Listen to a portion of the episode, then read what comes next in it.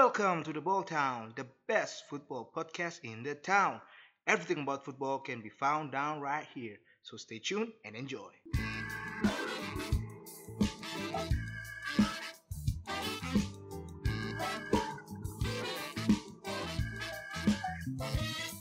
Howdy folks, back with us again. Kembali lagi dengan saya Bima dan dua teman sejati saya yang setia menemani saya ada Dandi What's up everyone? dan juga Ari. Halo.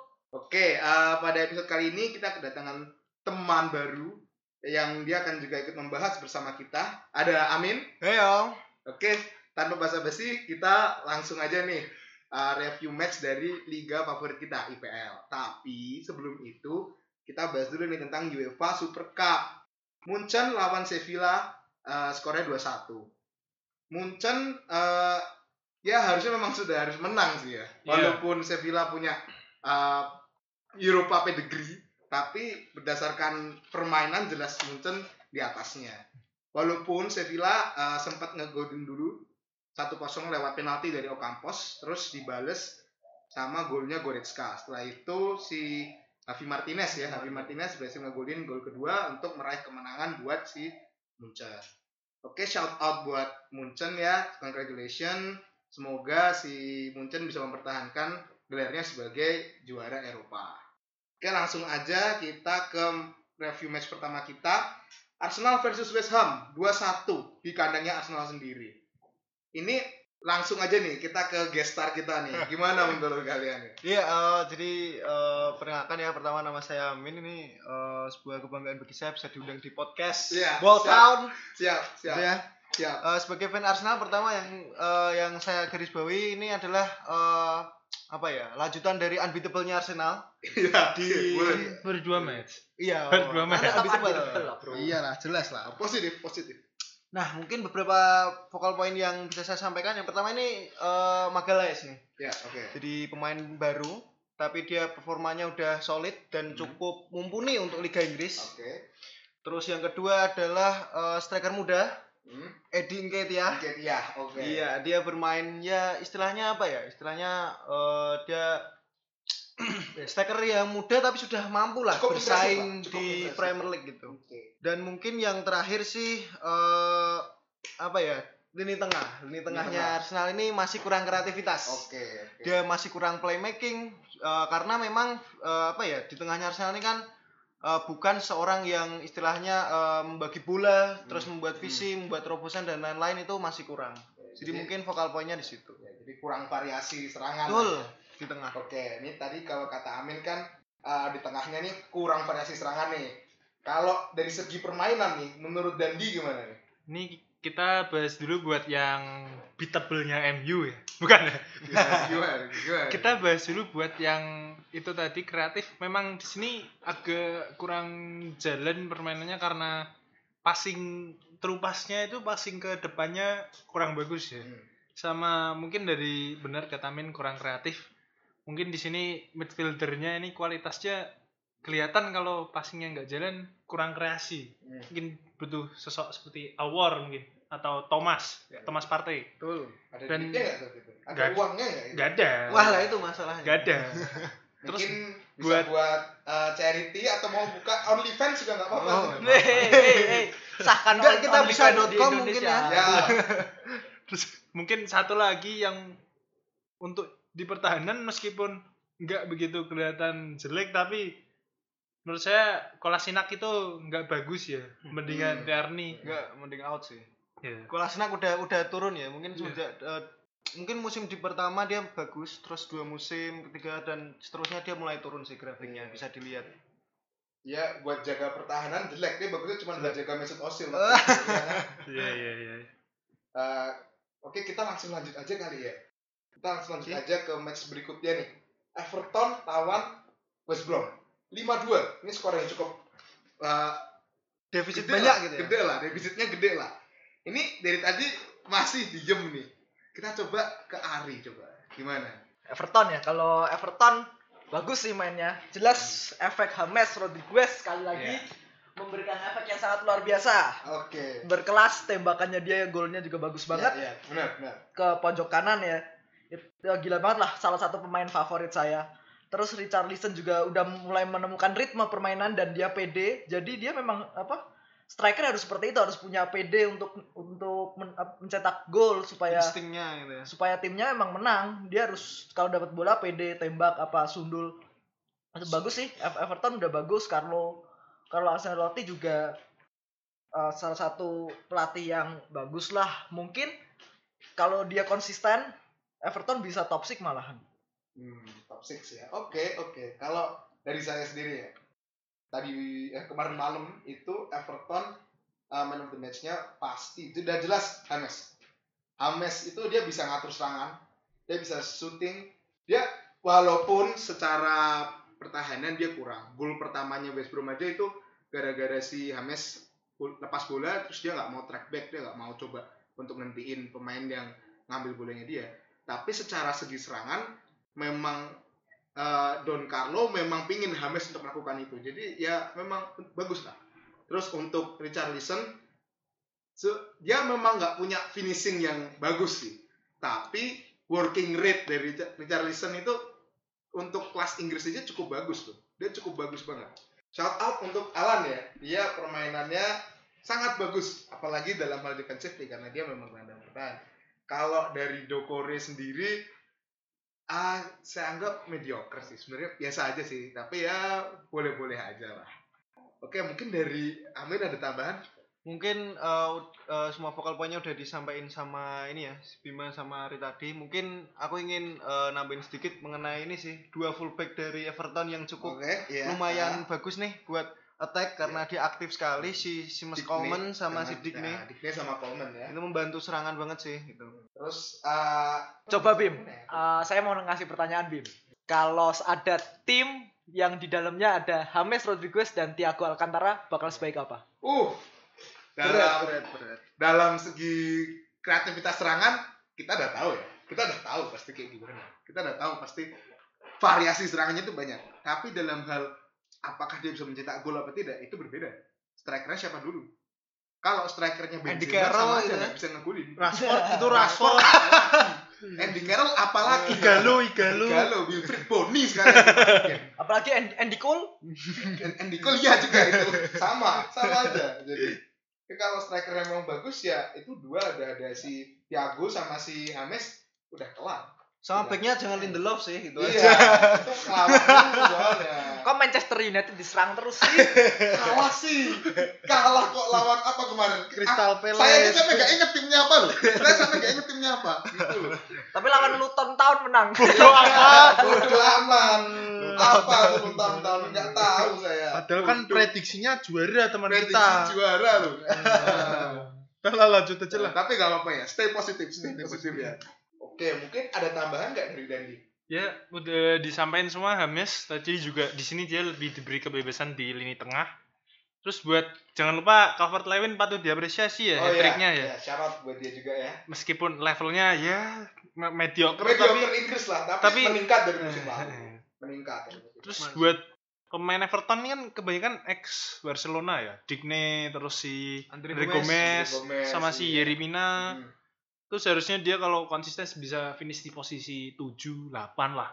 Jadi top top 8 lah ya. Bisa Paling harusnya bisa Europa League lah. Iya, tembus dia itu harusnya di atas Leicester sama Wolverhampton sih. Iya, iya. Dari segi pemain dan segi permainan juga udah udah harusnya dia top 6 lah, top 7 mungkin. bisa top dipertimbangkan bisa gitu. dipertimbangkan lah Bi- jelas lebih baik dari The Foxes ya ya oke langsung kita lanjut aja ya ke match kita berikutnya ada Spurs lawan Southampton. Hasil yang cukup mengejutkan 5-2 ini gimana nih? Bisa 5-2 kemarin habis kalah loh. Tapi sekarang langsung 5-2 nih. Mungkin dari Dandi ada nggak nih? Ya mungkin eh, buat Mourinho sendiri harus kita akui dia kemarin kayak menemukan satu satu formula nih. Di babak pertama kan permainannya boring itu karena Hmm, di babak kedua dia masukin Lo Celso gantiin Dombele hasilnya lumayan kelihatan ya. ya Serangan lebih lebih hidup, karena ada Lo Celso ya. Hmm. Kayaknya Dombele itu pemain nggak cocok dia di bawah Mourinho. Harusnya dia kayaknya dia dari awal juga nggak udah nggak disukai Mourinho dia harusnya cari klub baru aja soalnya dia nggak berkembang nanti di Iya, situ iya. Terus Iya, buat situ. Harry Kane di sini terlepas dari penaltinya yang nggak gol kita patut apresiasi perannya sebagai deploying forward nih cukup bagus ya di mana dia bisa narik pemain belakang dan Iya. kasih Iya. ruang buat Son Iya. hasilnya 4 gol itu Son Iya, 4 assist sendiri dari eh, Harry Kane dan Son 4 gol. Shout out buat dia, shout out tuh, shout out. Oke, mungkin dari Amin mau nambahin nggak? Kalau aku sih mungkin ini ya, eh, Harry Kane tadi malam entah kenapa mungkin kerasukan Erikson ya. Iya. Umpannya iya. kangen mungkin dia kangen mungkin sama ini. Erikson ya. Kangen. Masuk sekali umpannya tadi malam ini. iya iya Itu aja sih. Cantik. Dari Ari mungkin. Kalau dari saya sih eh, Tottenham ini kayaknya padahal dia mempunyai filosofi dari Jose Mourinho ini bertahan ya. Iya. Mungkin kap kaptennya Tottenham siapa sih? Kaptennya?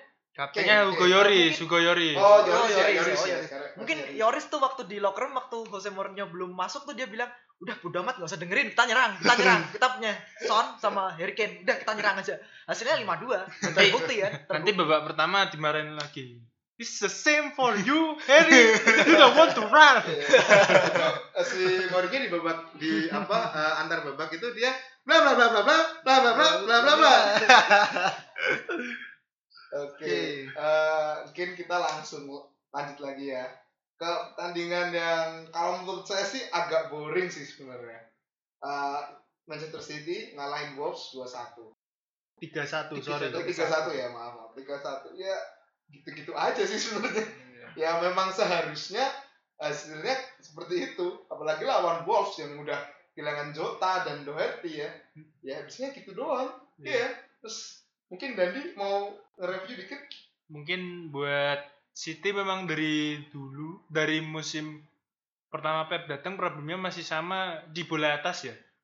Ah. Dia golnya itu juga dari bola atas. Mungkin mungkin perlu diwaspadai kalau dia ketemu lawan-lawan yang main bola atas di Ya, Eropa bisa jadi bumerang buat dia. Iya, benar benar. Ah, mungkin dari Amin namanya? Oh, dari aku sih ya shout out lah jelas buat Kevin De Bruyne. Oh ya, jelas. Jelas. De Bruyne. Masih the best midfielder sih, Iya, playmaking, dia shooting juga Iya. mumpuni dan ya itu jelas lah. juga bisa lah. Kelas lah. kelasnya di situ sih. Iya, iya. Terus ah, Ari mungkin namanya nggak? Boleh sih, boleh sih kalau mau bahas Manchester City. Klub rival loh nih. Tapi rival loh nih. iya sih. Manchester itu. saya objektif aja. Objektif, Karena oke. Ini sebenarnya eh, nggak kaget sih kalau menang 3-1 gitu karena memang Wolverhampton kan banyak kehilangan pemain ya. Eh, udah Iya, pada di kehilangan transfer-transfer Jota ke dan- mana aja itu. Jelas jelas permainan Wolverhampton ini jelek. Cuman yang sangat disayangkan di sini padahal di musim lalu mereka nggak kalah loh lawan City. Dua kali pertemuan nggak kalah. Dia, ya, dia menang. Itu City. Berarti kan yang ke transfer kan ada cuman berapa pemain? Dua ya? baru dua sih. baru dua kan? sih. itu ada sembilan pemain yang seharusnya dia ingat bagaimana caranya ngalahin City. Contoh kayak ada Matraore misalkan. Kenapa dia nggak memotivasi lainnya buat eh kita kan musim lalu menang. Kenapa kenapa kita nggak mau menang di sini? Tapi ya mau gimana ini baru minggu ke berapa? Kedua, Pertama. pertama, pertama. Pertama, kedua. Pertama buat Chelsea eh Buat sorry City. sorry buat City. Pertama buat City ya ya maksudnya Wolverhampton juga nggak usah nggak usah ngepus-ngepus banget lah. Ya. Oh iya. Tapi sangat disayangkan aja nggak nggak bisa fight kayak musim lalu. Tapi ini menarik ya, di mana yang satu juga 3-1 tapi keadaannya berbeda ya. Iya. Loh, nggak bawa-bawa itu dong. Iya. Eh, kalau menurut aku sih ya berarti memang City menunjukkan kelasnya ya. City menunjukkan kelasnya bahwa dia itu memang tim papan atas Inggris, bukan sekedar tim yang bisa dikalahin dua kali sama Wolves gitu. Memang musim ini City harus harus menunjukkan bahwa dia lebih bagus dari musim Ya, lalu. bet- betul juga. Memang City harus mas di sisi lain memang locker roomnya City pasti bilang kita udah kalah dua kali, masa masa mau kalah lagi? Masa Iya. mau kalah lagi kan, bener kan? Iya kayak Pep biasanya bilang komit, komit, komit gitu loh. Maju, maju, maju. Covid terus. Jangan pak. Kalau kalau kalau oleh kan ya kita mainnya udah bagus. Iya. Ke depannya Main- kita mainnya jelek kok. Ya mainnya sudah bagus. Tidak ada yang perlu ditingkatkan. Ah raimu. Gak, gak, gak mungkin. Oke, kita lanjut aja ya daripada saya marah-marah terus nih. Saya udah di komen terus nanti sama si Dandi sama si Ari. Oke, kita lanjut aja nih ke match yang paling ditunggu. Chelsea lawan Liverpool. 2-0 untuk Liverpool. Sejauh ini prediksi Dandi yang paling bener nih. Ini Chelsea udah keok. Terus MU ya kemarin udah tuh si lawak. Terus eh, City juga ya gitu-gitu aja. Terus Steve, menurut Dandi dari segi permainan gimana nih bisa ngalahin Chelsea? Gimana coba? Di sini memang kelihatan kalau Chelsea ini kualitasnya kalah, kelasnya Hmm, kalah sama. Liverpool ya. Dari awal juga udah mainnya ke press terus juga kan udah di sounding di sebelumnya kalau udah bilang kalau Rhys James sama Alonso ini kan PR banget nih. Iya, ha. Akhirnya dia dihabisin sama Sama Salah Alonso sama ya. Mane. Alonso stupid, Alonso stupid, gak bisa main, kenapa gitu loh masih di- masih dimainin gitu loh. Kan Chilwell-nya cedera. Ya mending masukin Chilwell cedera. Enggak mutu. Back kok bisanya cuma ngumpan-ngumpan, nggak bisa bertahan, buat apa? Ya cukup cukup. Kita langsung ke permainannya sendiri buat dari Chelsea. Mason Mount ini udah berkali-kali dia ditaruh di kanan, di kiri itu dia nggak kelihatan. Dia di kanan itu nggak kelihatan ya. Mendingan dia di tengah, lebih bagus. Terus buat Havertz juga ya. Havertz itu kemarin nggak kelihatan sama sekali. Nggak kelihatan. Dia bener-bener kayak ketemu dia di Inggris aja masih susah karena terlalu cepet apalagi ketemu Liverpool yang mainnya kayak gitu ya itu udah buat dia kayak bingung tapi kondisi di mana podcastnya direkam Chelsea kemarin menang 6-0 lawan Barnsley Iya. di EFL dan Havertz hat-trick. Barnsley ya. Iya, Iya, Barnsley. dan ya. Havertz hat-trick kita gak usah bahas yang itulah cuman Iya. EFL Coba si IPL-nya aja. Iya. IPL tuh lah. satu poin lagi penting enough ya buat buat Kepa enough ya dua tahun itu udah cukup Iya. Cukup buat saya cukup Buang lah. Cukup Buang. menyu- menyusahkan ya. Buang, buang. It's been a great two years, but ciao, ciao. Saya udah nggak mau lagi ya. Mungkin kalau dari saya ya, eh, 15 menit pertama tuh sebenarnya eh, dari dua kubu itu umpan ke depan masih kurang efektif. Tapi di menit 13 tuh si Kepa aja udah salah baca bola kok. Itu ah udahlah nggak usah dibahas yang itu. Terus kelihatan banget kalau Havertz tuh dia secara fisik masih belum kuat buat IPL. Dia belum kuat banget. 30 menit pertama Liverpool tuh bisa ya menguasai pertandingan, tapi pertahanan Chelsea masih oke lah, masih rapi lah, masih masih bisa lah. Tapi pada akhir babak pertama red card untuk Christensen ya, itu udah obvious, itu udah obvious, itu uh, dia udah interfere one on one, udah pasti red card. Setelah uh, dia di red card itu mainnya udah beda. Apalagi babak kedua masuk Thiago. Wah, udah game over. Buenos dias ya, Buenos dias. Dah. game over itu udah all buat si uh, Liverpool. Apalagi gol pertamanya, uh, banger, banger. Si bantunya salah sama Firmino, buat banget tuh Alonso cuma dikadalin. Itu eh, ih, cici, cici. Disgrace untuk untuk Chelsea ya. Mungkin dari Amin mau nambahin nggak? Iya, kalau mungkin aku nambahin sedikit eh, untuk Liverpoolnya ya. Hmm. Satu focal point eh, Fabinho luar biasa Oh ya, menjadi Fabinho. center back, Jadi shout out luar biasa. Dia tenang one on one dengan Werner. Werner. Terus dia juga bisa eh, apa ya? Membuat seorang Van Dijk ini tidak menjadi Iya, Van Dijk iya. yang sebenarnya. Pandek kayak nggak bersinar. Cuma Iya. gara-gara Fabinho. Luar biasa. Fabinho. Dan Thiago luar iya. biasa Thiago. sekali. Dia eh, mencetak rekor baru dengan 75 passing berhasil Uh. di babak kedua. lebih 45 banyak menit. lebih banyak 45 dari semua pemain Chelsea Semua itu. pemain Iya, Chelsea ya, wow. luar biasa. Wow, 75. Dan Wow. ini mungkin kalau bisa menjaga konsistensinya untuk upcoming ke depan, fixture ke depan luar biasa sih mungkin Iya, ini iya, Liverpool benar, benar, benar. midfieldernya. Jadi mungkin prediksinya Dandi bener ini sepertinya. Ini teman kita ada yang bizarre ini, ada yang udah bisa membaca masa depan, ada peramal ini. ya. Ini saya ngeliat Adi jadi tadi senyum-senyum sendiri ini kenapa nih? Ada ada pandangan tertentu mungkin? Oh, jelas Bim. Saya tahu alasan saya diberi kesempatan yang terakhir. Oke. Karena analisa saya pasti paling bagus di sini. Oke. Karena saya lihat tuh sekali. analisa kalian berdua tuh Benar kayaknya nggak lihat bola ya. Aduh. Atau kalian nggak nonton pertandingan sih. Ini pertanyaan besar banget nih. Oke, kita bahas Chelsea lawan Tapi Liverpool. sebelum itu kita memang nonton pertandingan tapi yang MU enggak. Iya. MU lagi, Bro. Ini udah Chelsea. Cukup, loh. cukup, cukup. Lanjut, aja, lanjut, lanjut. guys. Sayang banget ki- kita tidak bisa menyaksikan Battle of Thiago karena seharusnya ada dua Thiago di. di Oh iya. Iya, betul. Tiago Alcantara sama Tiago Mota ya. Thiago Silva mas Thiago Mota udah jadi pelatih tapi memang bener eh, Thiago ini memang missing piece-nya Liverpool sih ternyata. Hmm. emang gokil gokil. Gila. Nah terus ini nih saya saya suka banget nih pelat pelatihnya. Ini baru berjalan sebentar udah teriak-teriak. Hmm. di match MU mana gitu oleh oleh duduk oleh duduk. udah lihat duduk, lihat nyatet, lihat layar. sekolah. lihat layar kayak Stephen Hawking. Gini. eh eh eh. Iya, Yuk, jangan- kita lanjut kita lanjut, tapi tapi gini Bim. Saya suka banget gaya permainan Chelsea. Ketika lihat sebentar i- yang Chelsea musim ini ya Ya. ketika ada Timo sama kayak Havertz jujur saya suka banget in- ini. Hmm. saya lihat kayak langsung jatuh cinta gitu. Ini Oke. ini p- permainan yang mencerminkan diri saya yang dulu Oke, ada di MU seperti itu. Ah, sekarang kita nggak bisa lihat lagi. Cuman begitu saya lihat Chelsea main wah ini permainan saya banget nih. Jadi oh, ap- apa saya ngefans Liverpool aja ya? Eh sorry sorry. Apa saya ngefans Chelsea ya? Oke. Tapi- tapi-. Ah kayaknya Tapi jangan udahlah, plastik lah, salah. jangan plastik lah. Tapi Nah. kalau lihat mainnya Werner sama Havertz sendiri kayak main orang Jerman ya. Ya, ya memang dia orang Jerman. Gimana ya? Iya, iya. Nah, Ini Bim, Ah, saya lanjut Bim. Terus benar-benar katamu Bim, Timo mainnya mirip Fardi. Memang Iya, memang memang, memang bener banget memang sih. dia. Memang bener banget. Ah, terus ini yang perlu dikoreksi dari Chelsea dari analisa saya bahwa Timo sama kayak Havertz ini intinya Chelsea. Hmm. Mereka adalah kunci. Kalau kalau kalau Lampard dan timnya bisa memaksimalkan dua itu, udah dapat defense lawan sama musuh pasti keteteran, pasti keteteran. Karena mereka lari-lari dapat bola, mainnya bag- bagus banget sebenarnya, mainnya bagus banget. Hmm. Kalau kalau Chelsea bisa memanfaatkan itu, cuman di match itu masih kayak ada nggak cocoknya, kayak ke- ketika Timo sama Kai pengen cepet, tapi ternyata Kante malah balikin bola. Hmm. Kante balikin bola, abis itu gantian Mason Mount malah lambat pemikirannya. It- iya. itu yang bikin masalah.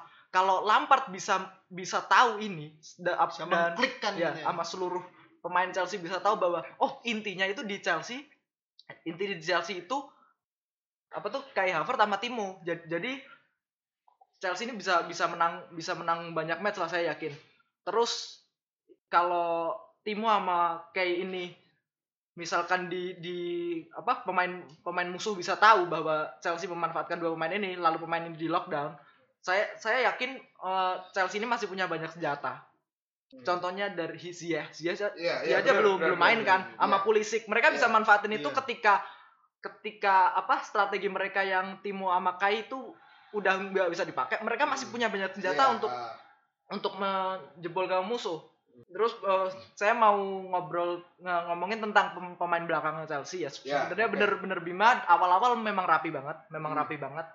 Mereka mereka tapi memang mereka harus harus berempat karena ketika di kartu merah satu itu mereka langsung kacau kan. Kita Iya, kita tahu sendiri mereka kacau. kacau, Langsung mereka kacau. langsung kacau. Memang. Terus yang terakhir ya Kepa sih. Ke- Iya, Kepa memang. ini mau apa lagi? Kepa ini sebenarnya nggak mau menang.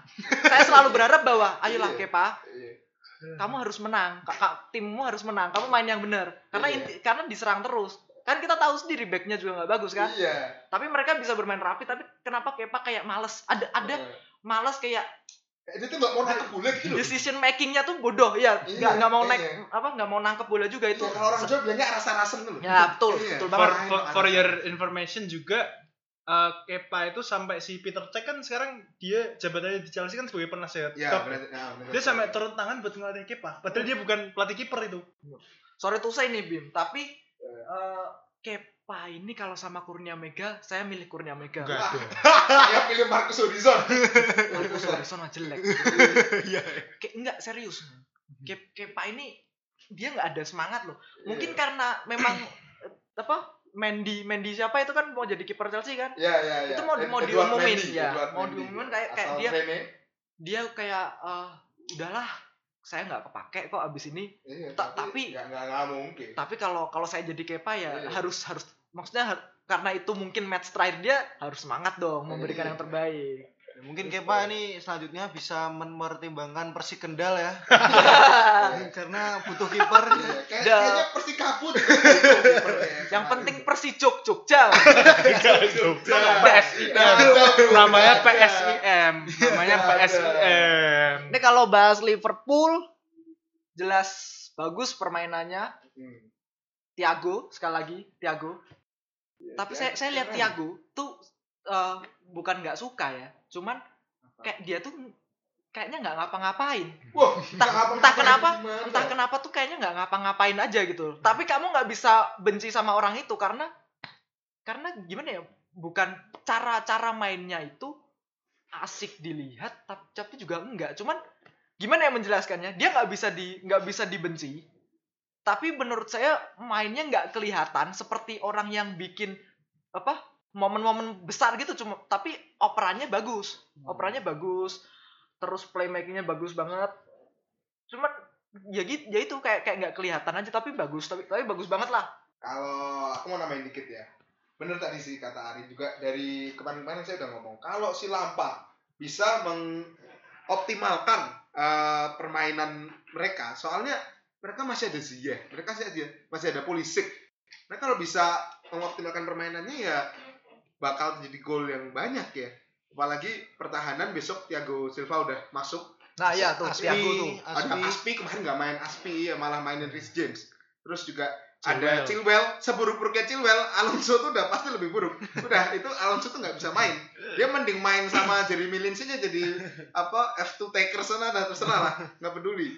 Gitu loh. Tapi kan memang yang perlu kita pertanyakan kan berapa lama waktu adaptasinya. hmm, ya Semua kan pemain baru, fans kan nggak nggak nggak mau nunggu lama-lama. Hmm. Dan kita juga pasti pinginnya mereka tetap langsung mainnya juga harus bisa beradaptasi supaya Yes, bisa yes, jadi iya. title contender. Nah, nah itu dan yang juga yang sih. penting itu tuh bukan cuman mereka hidup di London terus datang latihan enggak No, mereka no, setelah no, setelah pertandingan no. mungkin ngebar bareng apa ke mana makan bareng apa ke rumah siapa strip club gitu strip club lah jelas Ya, kita, kalau bungkus lah ya. eh, kalau yang punya istri kan jangan Cukup, cukup, Iya, cukup, cukup. kayak kayak Neymar. Neymar waktu itu katanya udah. Cukup, katanya cukup. mengundang mengundang apa tuh teman-temannya di di rumahnya ke Jadinya kan yang di covid Paris semua. kan.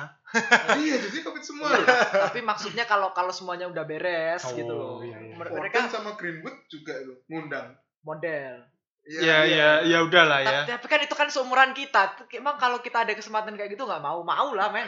Jujur, jujur semua men. Mau Iya, pasti. iya, iya. Yuk lanjut aja. kita bungkus aja ya tentang review match ini ya. ini karena kemarin eh gestar kita belum ngobrol nih tentang prediksi juara dari eh apa IPL 2020-2021. Mungkin ada prediksi lah. Opini aja nggak apa-apa. Kira-kira siapa sih kalau menurut Amin yang juara itu siapa? Ini ini kalau mungkin ya masih awal season. Ya, oke oke. Kalau saya mungkin masih megang Liverpool sih. Oke. Karena Yes, ini my dia man, bro. punya Thiago Hmm. luar biasa sekali Thiago. Dia kalau misalnya bisa konsisten lah. Dalam ini bahaya banget sih Liverpool. Hmm. Itu. Oke, berarti eh, lebih ke arah Liverpool ya, sama kayak Dandi ya. Saya Berarti- juga, saya juga sama Liverpool ya. apa? Apa itu? Jadi si Amin ini dia orangnya lebih reasonable lah rasional sama seperti Dandi tidak seperti saya dan Ari ya. Ya kalau saya kan excitement ya Ari Kalau stupid. kalau Bima Bima itu sebenarnya die hard Leicester. oh enggak bro. Kasihan banget teman-teman. enggak bro.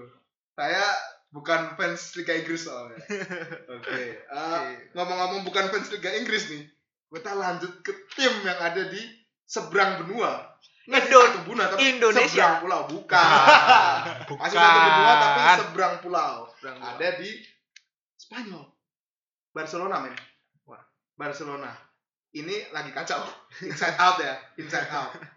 Ini mungkin Dandi ada pembahasan sedikit nih tentang Barcelona Situasinya pelik sekali nih. Iya, Siapa yang mau disalahkan bingung. siapa? Iya, saya bingung soalnya masalah politik bola saya kurang paham. Kalau dibilang kacau sih sebenarnya banget ya.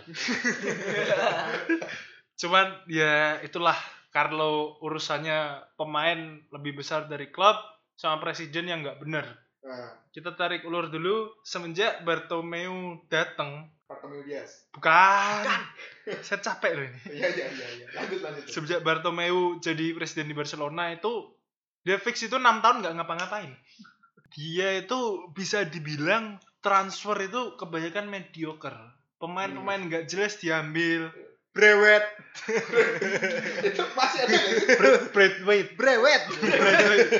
itu mungkin fans Barca kalau tahu marah itu. Kalau waktu itu kan sempat bilang kalau Messi pindah, Braithwaite itu minta nomor 10 ke, ke. Barcelona. Waduh. Maksudnya kan Coutinho aja belum tentu berani. Kok Anda itu berani? Iya. Terus juga ini juga bicara transfer tadi kan dia itu praktis pemain yang bagus yang bisa dia datangin cuma kita hitung aja Dembele yang ya, ya, yang, yang Coutinho memberikan memberikan efek baik lah ya mungkin yang bukan sebenarnya bukan pemain pelatih aja dia ngambil juga. Nggak jelas. nggak jelas kan? Yang Kike Setien siapa itu? Saya nggak tahu loh. Dia dari Valverde malah turun ke Setien.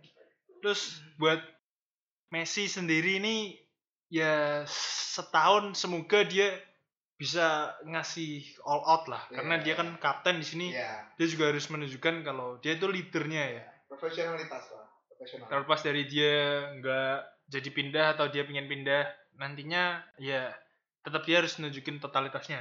Tapi yang menarik di sini kan di bawah Kuman ini kan hampir pemain-pemain tuanya ini tinggal sedikit tinggal lulusan La Masia semua kayak Sergio Busquets. Mungkin Sergio Busquets juga nggak nggak belum tentu starting line up kalau di Hmm. tiap pertandingan. Iya. Jordi Alba mungkin masih akan dipakai. Pique, Pique belum tahu ya juga katanya. ya. Tapi kalau Pique kayaknya masih di keep ya. Ah, Pique ke MU lagi. Enggak, enggak. Terus buat kan kita kemarin juga baru berita itu Luis Suarez pindah ya. ya Atletico Nah, ini satu focal point yang menarik. Kayaknya dari fans sendiri juga ya dia sudah ngasih banyak ke klub. Ini ada info menarik trio MSN sama trio BBC yang pada waktu Iya. itu sangat hebat di zamannya sekarang tinggal M dan tinggal P Ini bukan BBC yang BBC kan? oh bukan terus buat British Broadcasting Channel kan Betul. Betul. buat Luis Suarez mungkin karena ya seharusnya dia udah habis ya. Saya nggak tahu gimana tapi awal-awal itu dia katakan Kuman itu bilang kalau mau di sini kamu nggak akan inti. Hmm. Dia bilang oke saya akan fight buat posisi saya. Tapi datang rumor Juve yang sekarang dia kena kasus masalah paspor di Oh, itu Italia. ya, yang, yang katanya tesnya di Itali curang atau gimana itu saya Iya. kurang paham sih maaf ya, Dia dia di- lagi diinvestigasi katanya dia itu udah tahu jawaban dari soalnya. oh Terus dia akhirnya ke Atletico di mana Juventus akhirnya nggak bisa datengin dia karena paspornya nggak bisa keurus paspor Italia Nah, dia. Morata dijual dengan pinjaman 10 juta dengan opsi 40 juta, si Suarez datangin harga 6 juta. Heeh. Tapi gimana? Dia kontrak udah mau habis, tinggal setahun, Kuman nggak mau pakai dia. Iya. Terus buat Vidal ini memang pemain yang otot doang ya. Iya. Nih Gak keluar ada, aja. gak ada otak, gak ada otak. Kayak jualan nasi padang itu ada otak loh, gak ada otak. saya ingat itu si Vidal pertama kali press conference di Barca dia juga bilang kalau saya datang ke sini mau menangin Champions berturut-turut kenyataannya ke comeback berturut-turut Iya. saya sebagai sebagai fans itu sedih loh Iya, maksudnya ini pemain itu ngomongnya gede iya. efek di lapangan nggak ada udah tahu Paulinho itu bagus kenapa dia datengin Vidal dan Iya. Paulinho-nya dijual Penting Paulinho loh di Bang Vidal. Terus buat eh, pemain lagi yang keluar itu Ivan Rakitic ya memang itu udah Oh, habis iya ya. sih, itu Udah. udah habis. Udah masanya. Udah masanya. Terus buat Nelson Semedo. Nelson Semedo menurut saya dia memang grafiknya menurun semenjak datang dari Barca. Hmm. Dia dikadalin sama Alfonso Davies juga. Iya. Dia memang keluar gak apa-apa lah.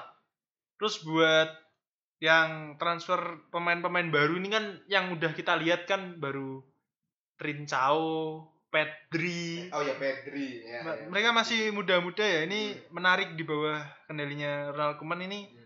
ini opsinya itu lebih banyak Hmm. di mana Messi nanti bakal jadi false nine Hmm. di belakang mungkin bisa Griezmann atau Coutinho Hmm. kiri Coutinho atau mungkin bisa Ansu Fati Iya. di kanan bisa Dembele sama Trincao opsinya di depan banyak Iya. ya.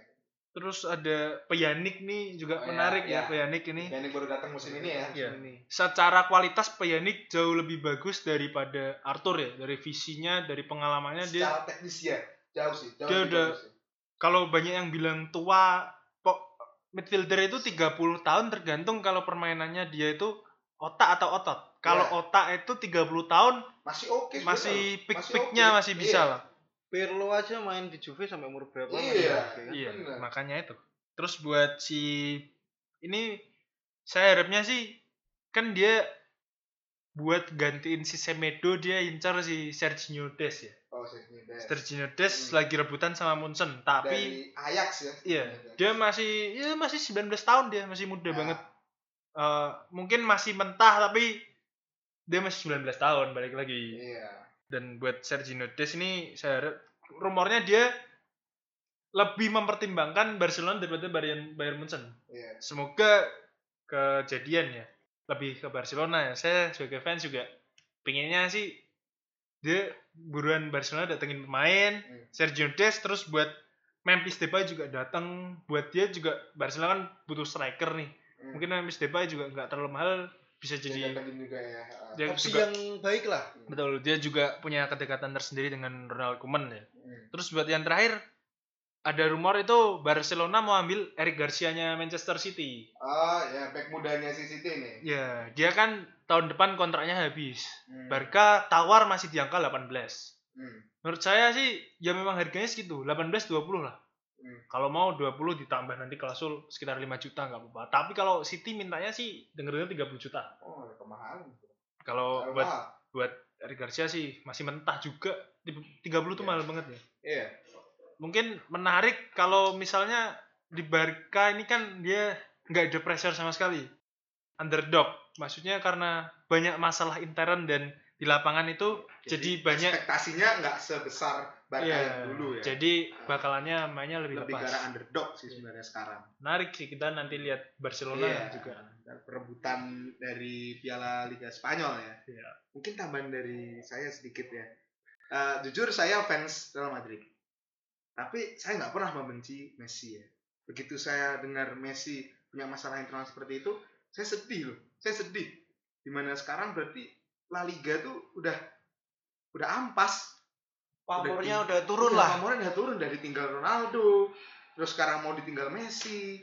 Ya, saya senang sih sebenarnya Barca udah kehilangan Messi kan ya Madrid menangnya jadi tambah gampang, tapi gimana ya? Jadi El Clasico tuh nggak seperti dulu lagi gitu loh. Udah hilang Ronaldo, sekarang udah hilang Bale, hilang Suarez dan bentar lagi hilang Messi. Mungkin musim ini adalah musim terakhir di mana kita bakal melihat El Clasico benar-benar penuh dengan bintang ya. Ya menurut saya sih disgrace ya yang terjadi di Barca secara internal. Ya saya merasa sedih Messi diperlakukan seperti itu, itu legend mereka, tapi mereka tidak menghargai Messi. Ya seperti itulah. Oke, mungkin kita tutup dulu, kita bungkus dulu podcast pada episode kali ini. Uh, stay safe. Ini masih COVID, COVID is real. Pakai masker, uh, jangan tongkrong-tongkrong dulu, ya, uh, social distancing. Uh, kalau merasakan badannya nggak enak atau gimana, langsung aja ke rumah sakit terdekat, langsung bilang ini gini gini gini, uh, apa yang dirasakan. Jangan ditunda-tunda, ini penting, jaga kesehatan. Mungkin cukup dari kami berempat pada episode kali ini. Buat kalian yang belum follow Instagram kita, langsung aja follow di @boltownpodcast buat info-info episode selanjutnya. Thank you for listening out podcast. See you next week. Ciao.